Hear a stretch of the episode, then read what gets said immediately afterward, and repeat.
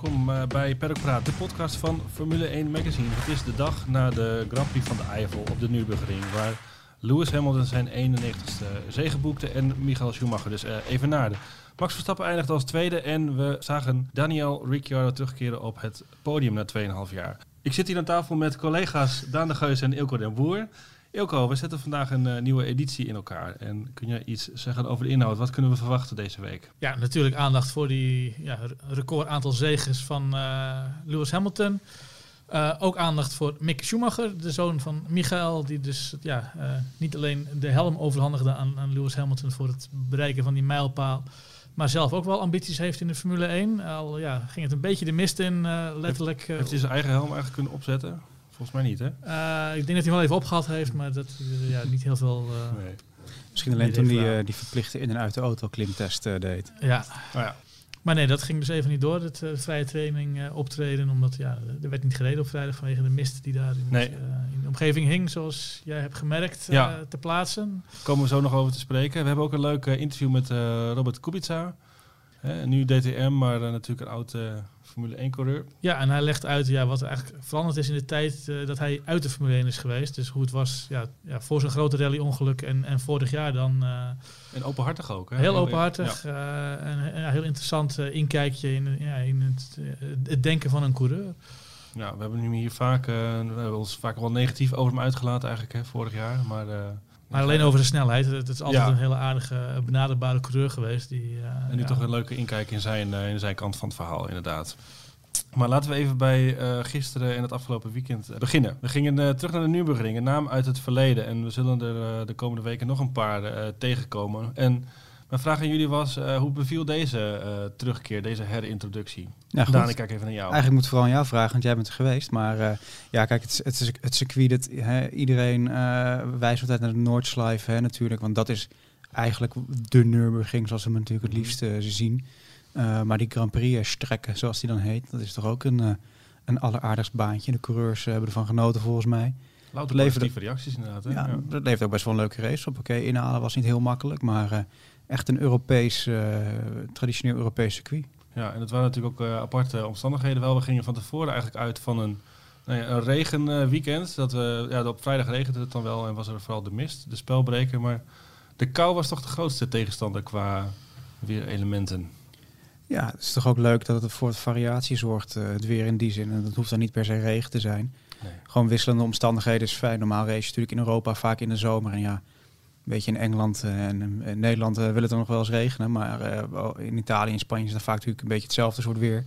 Ja. En nu zie je toch dat het toch een soort wildcard kan zijn, die temperaturen onder de 10 graden. En ik vond het, ik vond het nou ja, wat je zei, ik mocht er dan dit weekend heen voor, voor het magazine. het is wel echt een plek die ademt, autosport. Hè. Het, het, is overal, je hebt kartbanen, je hebt race, cursussen, je hebt natuurlijk de Noordslijven met de toeristenvaarten. Het, was al een, het is een echte autosportplek die er, nou ja, nou, dit weekend durf ik wel te zeggen, eigenlijk ook wel een beetje op de kalender hoort te staan. Ja, je, je, je, hebt het al, uh, als je er naartoe rijdt, dat de wegen daar, die, die, die nodigen al uit tot, uh, tot sportief rijden, zullen we maar zeggen. Dan moet je natuurlijk wel... Veel flitscamera's uh, trouwens. Aan de regels houden, ja. uiteraard, luisteraars. dat geldt ook voor ons. Maar weet je, dan kom je inderdaad bij die Nürburgring daarna, naar, naar een, ja, wat je zegt, het ademt autosport. Er staan overal in, in dat complex uh, wat je daar hebt, een soort winkelcentrum hebben ze mm -hmm. eromheen gebouwd. En er staan van die uh, ja, mooie bolides uh, te pronken. En veel automakers hebben er een soort kleine uitvalsbasis, omdat ze natuurlijk veel auto's testen op de, op de Noordslijven. Ja. Dus ja, het, wat je zegt, het is echt een soort autosport uh, mekka. Er altijd volk langs de baan, elke dag weer. Stonden de mensen te kijken naar andere mensen die in hun eigen auto een rondje reden. Geen ongelukken gezien trouwens dit keer, uh, zoals je vaak natuurlijk ziet op YouTube. Ja. Jij bent er ook wel eens geweest geloof ik, hè? Zeker, ja. ja. en het, ja, wat jullie al zeggen, het is, het is autosport uh, puur. Uh, heel groot contrast met sommige andere nieuwe circuits die dan in de middle of nowhere liggen. Waar je ja, pas als je aankomt in de gaten hebt van, oh ja, er is nog een circuit. ja. Ja, wel, wel, fijn om weer, weer dit soort traditionele circuits terug te zien. En, ja, vooral de afwisseling die het natuurlijk leuk maakt. Ik wil niet zeggen dat we gelijk alle nieuwe circuits moeten schrappen, maar ik vind het wel, wel, wel, weer leuk om weer eens uh, op andere plekken te komen. Schitterende omgeving ook. Dus uh, voor de, de, vaders met uh, gezinnen Het, is, het valt te combineren met een uh, gezins... je kan er ook mooi fietsen en noem maar op. Ja. ze hebben ook echt geprobeerd daar een heel evenementcomplex van te maken. Ja, de, het petpark is geloof ik niet helemaal gelukt met de achtbaan die één ritje heeft gemaakt. Maar ja, er is genoeg te doen in de omgeving. Inderdaad, prachtig. Maar ja, het, het, het ademt autosport en dat is toch wel ja, de grote aantrekkingskracht. Goed, er waren, de, zoals we zeiden, de aparte omstandigheden. Er was de mist op vrijdag, waardoor er, niet, uh, waardoor er geen vrije trainingen waren. In hoeverre um, had dat een positief effect? In hoeverre vonden jullie de race minder voorspelbaar dan, dan andere? Eerlijk gezegd heb ik niet gemerkt dat, er, uh, dat het veel verschil maakte in, in de race. Wat misschien juist wel een goed teken is. misschien hebben we al die trainingen niet, niet nodig, niet, niet zo lang aan de andere kant, ja, hoe meer Formule op tv, hoe beter. Dus ik, ik zit er een beetje dubbel in. Maar ja, het minder tijd hebben om alles tot in de puntjes door te voeren, te analyseren. Ik, ik denk dat dat de sport alleen maar ten goede kan komen. Ik had ook het idee dat de coureurs het wel fijn vonden. Dat er wat meer, dat het toch meer een uitdaging, wat meer onzekerheid. Ja, je hoorde het van de jongens vooraan. Hè. Bottas, Hamilton, Verstappen na de kwalificatie. Die zeiden alle drie van nou die, die vrijdag Laat me hangen. We mogen maar een keertje laten schieten. Iemand als Albon haalde dat ook aan. Hè? Van, ja, in de opstapklasse is het ook zo. Dan is het vaak een uh, half uurtje oefenen en dan kwalificeren. Ja. Ik ben het er ook wel mee eens dat het inderdaad het wat spannender kan maken. Ik denk wel, het, het commerciële belang is natuurlijk het grootste obstakel. Hè? Je ontzegt uh, de tv-zenders, uh, de rechtenhouders die voor de grote miljoenen voor de Formule 1 zelf zorgen natuurlijk een dag aan uitzendingen. En voor het publiek is het natuurlijk ook wel fijn als je gewoon vrijdag al wat actie hebt om, om te kijken. Dus natuurlijk men, niet iedereen kan een weekendkaartje veroorloven en zou natuurlijk op vrijdag de kans kunnen hebben om ja, lekker auto's, in actie, ja. in, in, auto's in actie te zien. Ja. De race eindigde zoals zoveel. Lewis Hamilton pakte zijn 91ste zegen, een legendarisch record geëvenaard. Hè. De, de, de 91 van Michael Schumacher. Niemand had ooit gedacht dat dat zou gebeuren. En om te beginnen, waar eindigt dit met, uh, met Hamilton? Hij gaat natuurlijk wel de 100 halen. Daar kunnen we toch wel voor. ja, dat is ook de kop in het, het is inderdaad op naar de 100. Ja. En uh, ja, er moeten hele gekke dingen gebeuren, wil hij dat niet gaan halen. Nog negen nodig. Ja, Bottas ja, maakt het af en toe wel lastig, zoals bij de start, maar geeft het dan toch ook heel vaak weer uit handen, zoals een paar ronden later. Mm -hmm. en ja, echt hele andere bedreiging zie ik op dit moment niet. Voor, voor, de rest van dit jaar zeker niet. En volgend jaar zal grotendeels hetzelfde verhaal zijn. Uh, en ja, eh, dan is de vraag van wat hebben de nieuwe regels voor effect in de Formule 1? Kan Hamilton dan zijn zegenreeks ook nog voortzetten? Uh, ja. Goed, die zevende titel die, uh, die gaat het natuurlijk komen. Dat is een formaliteit, denk ik. Maar 69 ik denk dat... punten is het nu, het gaat naar, naar Bottas. Ja, dus dan staat hij ook gelijk met, uh, wat dat betreft met Schumacher. Kunnen we dan spreken van de grootste alle tijden, Daan? Ja, het is altijd moeilijk om tijdperken te vergelijken. Het is natuurlijk heel subjectief, maar ik moet zeggen, en, en niks ten nadele van, van Michael Schumacher, maar voor mij is Hamilton, uh, ja, is die, is, die, is die denk ik misschien inmiddels wel groter dan Schumacher. Maar dan kijk ik ook verder dan uh, alleen maar de cijfers. Dan kijk ik ook naar wat hij gewoon als, als wereldster mm -hmm. doet voor de Formule 1. Ja. En Schumacher heeft natuurlijk ontzettend veel bereikt. Uh, ontzettend charismatisch op zijn eigen manier, zal ik maar zeggen. Hè. De, de, wat, wat killere uitstraling, maar wel iemand met echt het hart op de goede plek. Ook veel voor goede doelen, hè? Uh, wat Hamilton natuurlijk ook doet. Maar, maar uh, Hamilton is natuurlijk een beetje meer van het kaliber uh, ja, Tiger Woods, zal ik maar zeggen. Iemand die echt de sport overstijgt. Ja. En Schumacher was toch vooral een wereldklasse coureur in plaats ja. van een wereldster, denk ik. Stel, had, Schumacher had in deze tijd zijn prestaties geleverd hè, in, in de mm -hmm. social media tijdperk. Zouden we dat dan ook op dezelfde manier uh, zien als Hamilton dat nu dat. Uh, ik denk dat hij zich heel anders zou profileren op social media. Misschien dat hij zelfs à la Vettel helemaal af, ja, afzijdig van zou zijn. Ik denk het niet, omdat er wel een mar marketingteam achter zal zitten dat zegt van we moeten wel de shirtjes en de petjes ook kunnen verkopen. Maar ja, het is een interessante vraag. Ik, ik, ik, ik kijk, het, het liefst zou je natuurlijk zien inderdaad dat, dat een Schumacher in zijn top tegen een Hamilton in zijn top had, had geweest. Daar is het helaas niet van gekomen. Wat ik wel vind met Schumacher's titels is dat je vaak de indruk had dat hij meer tegenstand had dan, uh, dan Hamilton de laatste jaren in ieder geval. Dus dat geeft voor mij aan, aan een aantal van Schumacher's titels wel meer glans dan bijvoorbeeld aan deze van Hamilton. Ja. Ik denk dat dat ook is waar Hamilton nog het meest naar op zoek is. Niet zozeer die records nu, maar die echte strijd. Uh, dat, dat hij ja, met Verstappen of met Ferrari uh, op de baan aan het knokken is en mm -hmm. dan de beste is. Ja. Dat zou zijn Palmares net even wat meer glans geven. Uh, ongeacht van ja, wat de cijfertjes dan aangeven. Maar ja, de afgelopen jaren hebben we dat gewoon gemist. Dat, het ging te makkelijk eigenlijk voor ja. hem. En dat vindt hij zelf eigenlijk ook niet zo fijn, want hij kan zichzelf niet bewijzen daardoor. Je, Eh, je, je merkt het ook heel erg aan hem. hè. Hij noemt het heel vaak van eh, ja, Red Bull moet dichterbij komen en Ferrari moet dichterbij komen. En als het dan gebeurt en hij wint, dan is hij ook heel blij ermee. Maar je ziet het soms ook in races die hij dan wel wint. Dan lijkt het soms haast alsof hij iets zoekt om het spannend te maken voor zichzelf. Om, of om zichzelf een beetje te tergen, weet je wel. Ook zoals laatst met die, eh, met die straffen die hij kreeg voor... de banden, de ja, Ja. geluidjes die hij hoort. Maar het is altijd iets dat hij moet overwinnen. En, eh, Ja. Maar het liefst overwin je gewoon je concurrentie. Nou goed, hij zei het gisteren meteen na de finish eh, zelfs. Hè. Eh, Verstappen pakte de snelste ronde. Oh, they're getting fast, guys. We need to, eh, we need to keep working. Dat was eh, een beetje gezocht. Ja, want in de race eh, voor de safety car die Verstappen vrij eenvoudig op 10 seconden gereden nadat, eh, Ja. nadat hij eindelijk op, eh, op kop kwam naar Bottas uitvallen. Daarna En matchte, hij eigenlijk, daarna matchte hij eigenlijk gewoon de, de rondetijden van Verstappen ook. Hè? Het was weer dat verhaal dat je denkt van ja, Mercedes, eh, oké, ze hebben geen engine modes meer, maar ze hebben nog wel wat achter de hand in die nodig. Ja. Ja. Perlpraat.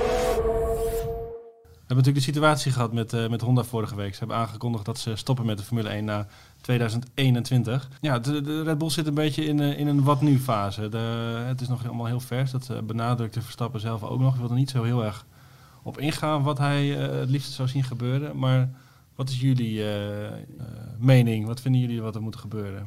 Ze moeten op zoek naar een nieuwe motorleverancier. Ja. Dat is heel simpel. Maar ja, wie, wie dat dan gaat worden, dat is heel moeilijk. Mercedes heeft al aangegeven dat ze dat eigenlijk niet willen of kunnen.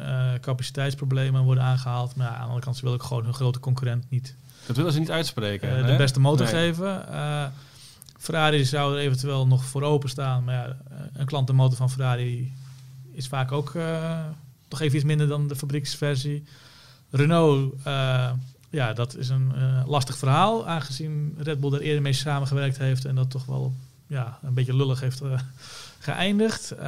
Maar Renault is wel verplicht te leveren als fabrikant met de minste klanten. Eh, staat in de reglementen dat zij dan eh, bereid moeten zijn om die motoren wel te geven. Dat zodat geen enkel team zonder motoren komt te Mhm. zitten. Eh, en dan is er nog een optie om zelf een motor te gaan bouwen. Eventueel op basis van eh, wat ze nu gebruiken, de Honda, die, die willen het op zich wel overdragen. Maar ja, zet maar eens in een jaar tijd eh, een heel programma daarvoor op. het is eigenlijk het minst logische, maar Ja. wel De Ja. meest dure misschien ook wel. het meest dure, maar de duurste. Het is ook de spannendste optie in zekere zin natuurlijk, maar weet je, als je dan hoort eh, wat ze inderdaad in, in Milton Keynes vond dan ook een faciliteit. Daar zou het dan allemaal moeten gaan gebeuren, maar er moet echt wel wat op poten gezet worden. Want volgens mij iets verderop in, in Brixworth eh, bij Mercedes motorafdeling zitten geloof ik duizend man puur op, de- op de Formule 1 motoren. En dan werken er nog een, geloof ik bijna een handvol duizend eh, mensen aan de andere projecten. Maar het grootste obstakel lijkt mij toch of, of Honda. En dan heb ik het niet over Honda, het Formule 1 programma, maar Honda, Honda, echte automaker. Of die hun eh, intellectueel eigendom, waar ze honderden miljoenen in hebben gestoken, aan Red Bull willen geven. En aan misschien een andere partner die eraan gaat werken. Of nou Ilmor is of AVL of wie dan ook. Mhm. Want ja, voor hetzelfde geld eh, denkt Red Bull van, nou, daar kunnen we dan, eh, als we binnenkort weer een hypercar project met iemand hebben, Je kunt ook weer gebruiken. mooi ons voordeel mee doen. Ja. Dus ik denk dat dat een, dan toch wel een heel groot obstakel zal zijn. Is Renault dan niet uiteindelijk de meest logische? Eigenlijk wel. Ja. Gezien de ontwikkelingen ook die ze nu doormaken. ja. En er valt natuurlijk gisteren Lando Norris uit met een eh, motorprobleem. Maar als je ze doorgaans ziet in een race, dan is het niet topsnelheid waar het de Renault aan eh, ontbeert. Nee. Nee, nee, en dat is precies wat, eh, wat Red Bull natuurlijk nodig heeft op dit moment. Formule 1. Perlpraat. De derde plek gisteren, Daniel Ricciardo. Dat eh, zat er natuurlijk wel aan te komen de afgelopen, afgelopen races. Dat zei hij zelf, hij zelf ook. Ehm, is Renault op dit moment het derde team van de grid? Ilko. Eh, het zit er tegenaan. Racing Point is natuurlijk ook nog steeds heel sterk. Uh, Perez vierde. Uh, Hulkenberg die ja, dan invalbeurt voor Stroll maakte. Uh, toch ook gewoon de top 10 in reed. Uh, maar daardoor ja, met, met minder voorbereiding een lastiger weekend had. Mm -hmm. mocht hij gewoon zich normaal hebben kunnen voorbereiden, zou hij dichter bij Renault gezeten hebben, denk ja. ik. En, het, het, wordt gewoon een hele leuke strijd tussen uh, Racing Point, uh, Renault en ook McLaren nog daar, daar vlakbij. McLaren, McLaren, is toch een beetje in een, uh, beetje in een slump. McLaren inderdaad uh, een beetje op en af. Mhm. Mm -hmm. in Monza waren ze nog het tweede team, sindsdien gaat het inderdaad wat minder, lijkt het wel. Ja, Racing Point heeft een soort half gemankeerd seizoen. Hè. Misschien wel de beste auto van het middenveld, maar er gaat daar van alles mis op het operationele vlak. En dan ook dus met de coureurs nog die niet van het eh, toilet af eh, kunnen komen en eh, positief testen op corona. Ja. Ehm, en Renault heeft eigenlijk in die zin een wat stabieler seizoen, maar wel in de zin dat ze een stijgende lijn te pakken hebben. En dat is mooi om te zien ook, denk ik. Ook goed dat zo'n fabrikant die er veel in heeft geïnvesteerd, eh, gewoon nu progressie boekt. Ja, Het is ook afhankelijk van de aard van het circuit. En ook wat we hiervoor al zeiden, van dat we nu weer andere banen komen. Mhm. Dat maakt het wel leuker. De, de, de, de Tielke dromen, eh, er is op zich niks mis mee, maar ze zijn wel heel veel van hetzelfde eh, karakteristieken. En nu heb je ja, de nieuwe beginnen weer tussen. Mugello, dat een heel ander soort circuit is. Monza natuurlijk, hoogsnelheidstempel. eh eh, die variatie maakt het leuk, want het, ene team is op het ene circuit sterker, het andere team op een ander circuit. En, en, en, daardoor ja, eh, hou je Maar die spanning in het kampioenschap is- is meer dan oh, steeds maar weer dezelfde Ja. patronen. Op zich is de Nürburgring natuurlijk niet een, eenzelfde soort circuit als Mugello, Monza of Spa. En doet Renault het hier ook goed? Dat is toch wel Daarom waren ze zelf ook heel blij inderdaad. Hè, dat ze zeiden van, nou, dit is wat meer een high downforce circuit. En normaal zijn ze sterk op low downforce. Dus dat, eh, ja, dat eh, was wel reden voor Renault en, en voor Abiteboul en, Ricciardo om eh, behoorlijk positief gestemd te zijn ook voor de rest van het jaar. Ja, en hoe zou Ricciardo nu nog eh, nadenken over zijn beslissing om bij Renault weg te gaan? Eh, ja, misschien als hij nu de keuze zou maken dat hij er wel wat, an- wat anders of wat meer over zou nadenken inderdaad. Maar hij heeft natuurlijk die beslissing gemaakt met oog op de langere termijn. Met Ja. McLaren dat de Mercedes motor krijgt. Met eh, Andreas Seidel, de teambaas die daar zit en die, die hij heel hoog eh, aanslaat terecht, eh, denk ik. mhm. uiteindelijk gaat het om, eh, om het perspectief. En hij ziet blijkbaar bij McLaren meer perspectief. Hij zei ook al van ja, het voelt misschien een, wat, wat, wat wrangig, omdat het nu goed gaat bij, bij Renault inderdaad. En we Ja. nu de resultaten boeken die, eh, die we voor ogen hadden toen ik hier kwam. Maar hij heeft geen spijt. Dus, Nee. kijk nee. naar de, de beslissing die Hamilton genomen heeft toen hij van McLaren naar Mercedes ging. Dat was op dat moment ook niet de Ging ook niet meteen goed, logische keuze. Eh, en ja, uiteindelijk kun je achteraf pas beoordelen of, of het wel of niet een, eh, ja, een correcte beslissing was. Pedalpraat. Wie er nog meer opviel was natuurlijk Nico Hulkenberg, die eh, vanaf eh, nou ja, het terras in, in Keulen eh, kwam aanwaaien omdat, eh omdat Stroll ziek was. Hoe knap was dat? Eh, ik bedoel, hij wordt natuurlijk driver of the day, er wordt natuurlijk een beetje een cult omheen eh, gecreëerd. eh, Ja, het- het is-. Eh, een zeer knappe prestatie. Zeker dat je ja, zonder training en meteen maar even de kwalificatie ingaat. Ja, hij werd dan ook laatste daarin. Dat Mhm. valt er niet aan te rekenen. Nee. En in de race reed hij zich knap weer terug naar de, naar de top 10, waar die auto ook thuis hoort. Ja. Ja, hoe knap is het dan? Ja, het is wel gewoon een professioneel Goed gedaan. topcoureur. Goed gedaan. Maar we moeten er ook niet meer van maken dan het is. Eh, ja, die, die auto hoort in de top 10 thuis. Eh, hij, hij doet dat goed. Eh, het is ook een beetje gechargeerd dat hij van het tras geplukt werd. Hij, hij stond natuurlijk wel stand-by ook. Eh, hij, Hij doet het wel al- heel slim. hè. Hij weet zichzelf wel echt eh, te verkopen wat dat Ja. betreft. eh, hij zou al tv-werk doen, dus hij was in de buurt. Ja. Eh, het, het kwam niet helemaal uit de lucht vallen. eh, Ik maar kan, me- ik kan me herinneren dat, eh, dat voor Silverstone die foto dat hij eh, aan zijn, wat is het, een muffin eh, ja, in, in, in een barretje zit, dat ja. hij dat dan naar buiten brengt. Ik vind dat toch, oké, hij doet het wel, eh ja, nu deed hij het een beetje van... achter. ik ben even over de autobaan komen knallen vanuit Keulen. En eh, Ja. dan stap ik in die, in die eh, Racing Point. Ja. Ik denk wat Ilko zegt, helemaal mee eens. Goed gedaan. Maar ik vraag me af of het op bijvoorbeeld in Singapore ook zo goed was gegaan. Maar ja, Het is natuurlijk een baan Gewoon, die je ook hartstikke goed kent. gevalletje prima bedankt. denk Ja, ik. ja, ja, ja. Goeie, goede parttimer, zo, dus, zoals hij het zelf zei. Zijn teamgenoot trouwens dit weekend, Sergio Perez, sinds de aankondiging dat Vettel zijn plekje inneemt volgend jaar. Vijfde, vierde en vierde in de laatste drie races. Kun je mee thuiskomen. Dat zijn prima cijfers toch, hè? Ja, maar dat geldt eigenlijk voor de hele carrière van Perez. Het is Ja. allemaal keurig. Eh, maar de, de grote uitschieters eh, zijn nog steeds ja, beperkt. En ja, de jaren beginnen ook bij hem al ondertussen te tellen. Dus Mhm. ik, ik, ik begrijp de, de keuze van Racing Point nog altijd dat zij voor eh, een ervaren coureur naast een jonge coureur gaan. Eh, Ja. Dat dat dan toevallig de zoon van de basis helpt natuurlijk. Maar, Ja, gerucht gaat nu natuurlijk dat Perez bij Haas eh, uit gaat komen inderdaad. Eh, zou daar welkom zijn met zijn sponsorgeld, zijn ervaring, zijn snelheid. Ik denk een goede match. eh. en leuk voor hem als hij inderdaad wil blijven rijden om dat te kunnen doen op die manier. Formule 1. Pedalpraat. Wie gisteren ook nog positief opviel, maar misschien ook een beetje onder de radar is gebleven, is Pierre Gasly. Hij werd zesde. In Rusland werd hij geloof ik negende uit mijn hoofd. Is natuurlijk aan een sterk seizoen bezig. Ehm, wordt daarmee ook de druk weer opgevoerd op Albon, die gisteren toch ook weer een beetje leek te bezwijken onder... eh, Ja, dat Albon onder druk staat, dat is wel duidelijk. Eh, Ik denk dat Albon gisteren vooral de druk op zichzelf opvoerde. Ja, een ongelukkige uitspraak van ja, de, ze, ze racen zo hard tegen me. Ja, dat is wel een beetje de essentie van de sport. Eh, Mhm. ja, het komt er allemaal niet heel lekker uit nog bij, eh, bij hem. En, eh, ja, Marco weet het altijd zo mooi te verpakken. Hij hoeft zich nergens zorgen om te maken. Maar als hij niet presteert, dan eh, gaan we verder kijken. Ja.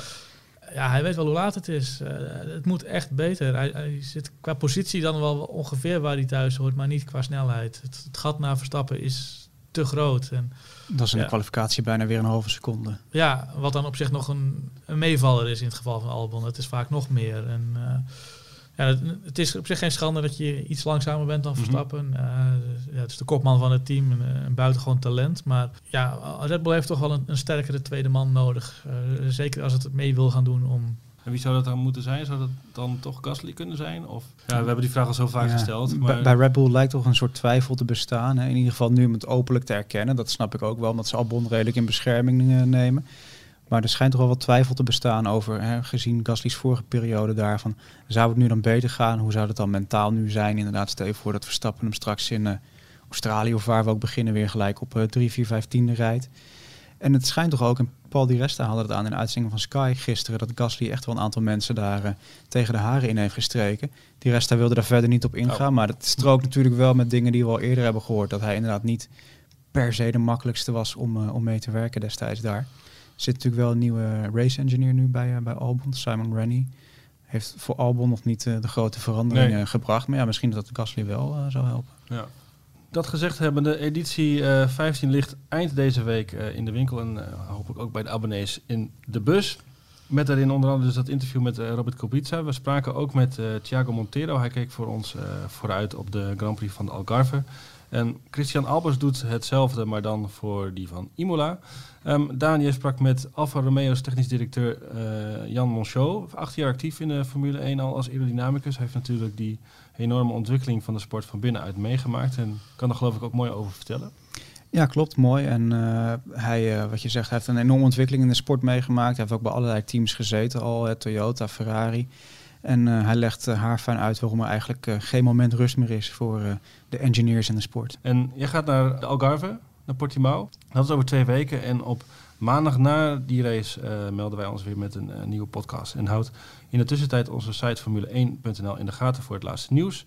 En dan gaan we er nu uit met de uitloopstrook van Koen Vergeer. En hij vraagt zich af of we Lewis Hamilton nu als de allergrootste aller tijden moeten gaan beschouwen. De uitloopstrook van Koen. 91. Een paar jaar geleden schreef ik een boek over de 10 grootste wereldkampioenen in de Formule 1. In het laatste hoofdstuk vroeg ik mij af wie er na Michael Schumacher een plek in die top 10 zou veroveren. Was het Fernando Alonso, Sebastian Vettel of Lewis Hamilton? Nu Alonso en Vettel zijn gestrand op Ferrari en Lewis het astronomische record van 91 Grand Prix zegens van Schumacher heeft geëvenaard, lijkt er geen twijfel meer te bestaan. Toch, voorbij het scorebord heb ik soms zo mijn twijfels. Want is Lewis niet tweemaal in een royaal gespreid bedje terechtgekomen? Bij McLaren meteen in de beste auto van dat moment en bij Mercedes in de beste auto voor jaren het is sowieso de trend in het 21ste eeuw. Zit je als uitmuntend coureur eenmaal bij een team met een technische voorsprong, dan kun je zomaar jarenlang heersen. Schumacher deed het met het bandenvoordeel bij Ferrari. En Vettel met de geblazen diffuser bij Red Bull. En Lewis met de hybride motor bij Mercedes. Ik wil er niks aan afdoen, echt niet. Maar zo breek je natuurlijk wel records. En wie of wat heeft Lewis overwonnen? Alonso? Rosberg? Zijn bescheiden komaf? Kijk, Lauda, die overwon het gekonkel bij Ferrari en de dood. Stewart overwon het amateurisme in de Formule 1 en hij leerde dealen met de massamedia. Prost had Senna en Senna had Prost. Maar herinneren we ons straks een paar weergaloze wedstrijden van Lewis? Zinderende duels met wie of wat? Het lijkt hem allemaal zo makkelijk af te gaan. Maar misschien schuilt daar ook wel zijn grootste kracht. Als je zo lang aan de top staat, je steeds weer manifesteert op de momenten dat het ertoe doet. Als je wint en blijft winnen, dan doe je iets goed. Genoeg gezeurd, vergeer. Want zoals Jackie Stewart al zei, je kunt wel de beste auto hebben, je moet hem ook nog besturen. En Lewis Hamilton doet dat als geen ander. Eigenlijk doet Lewis me denken aan Sir Jackie. Hij is op en top prof. Zijn racecraft is grandioos. Hij maakt zelden fouten. En hij weet als geen ander, als een echte persoonlijkheid, met de moderne media om te gaan. Ja, daarom stond die helm van Schumi daar helemaal goed. Op het hoogste trapje van het podium van de Nürburgring.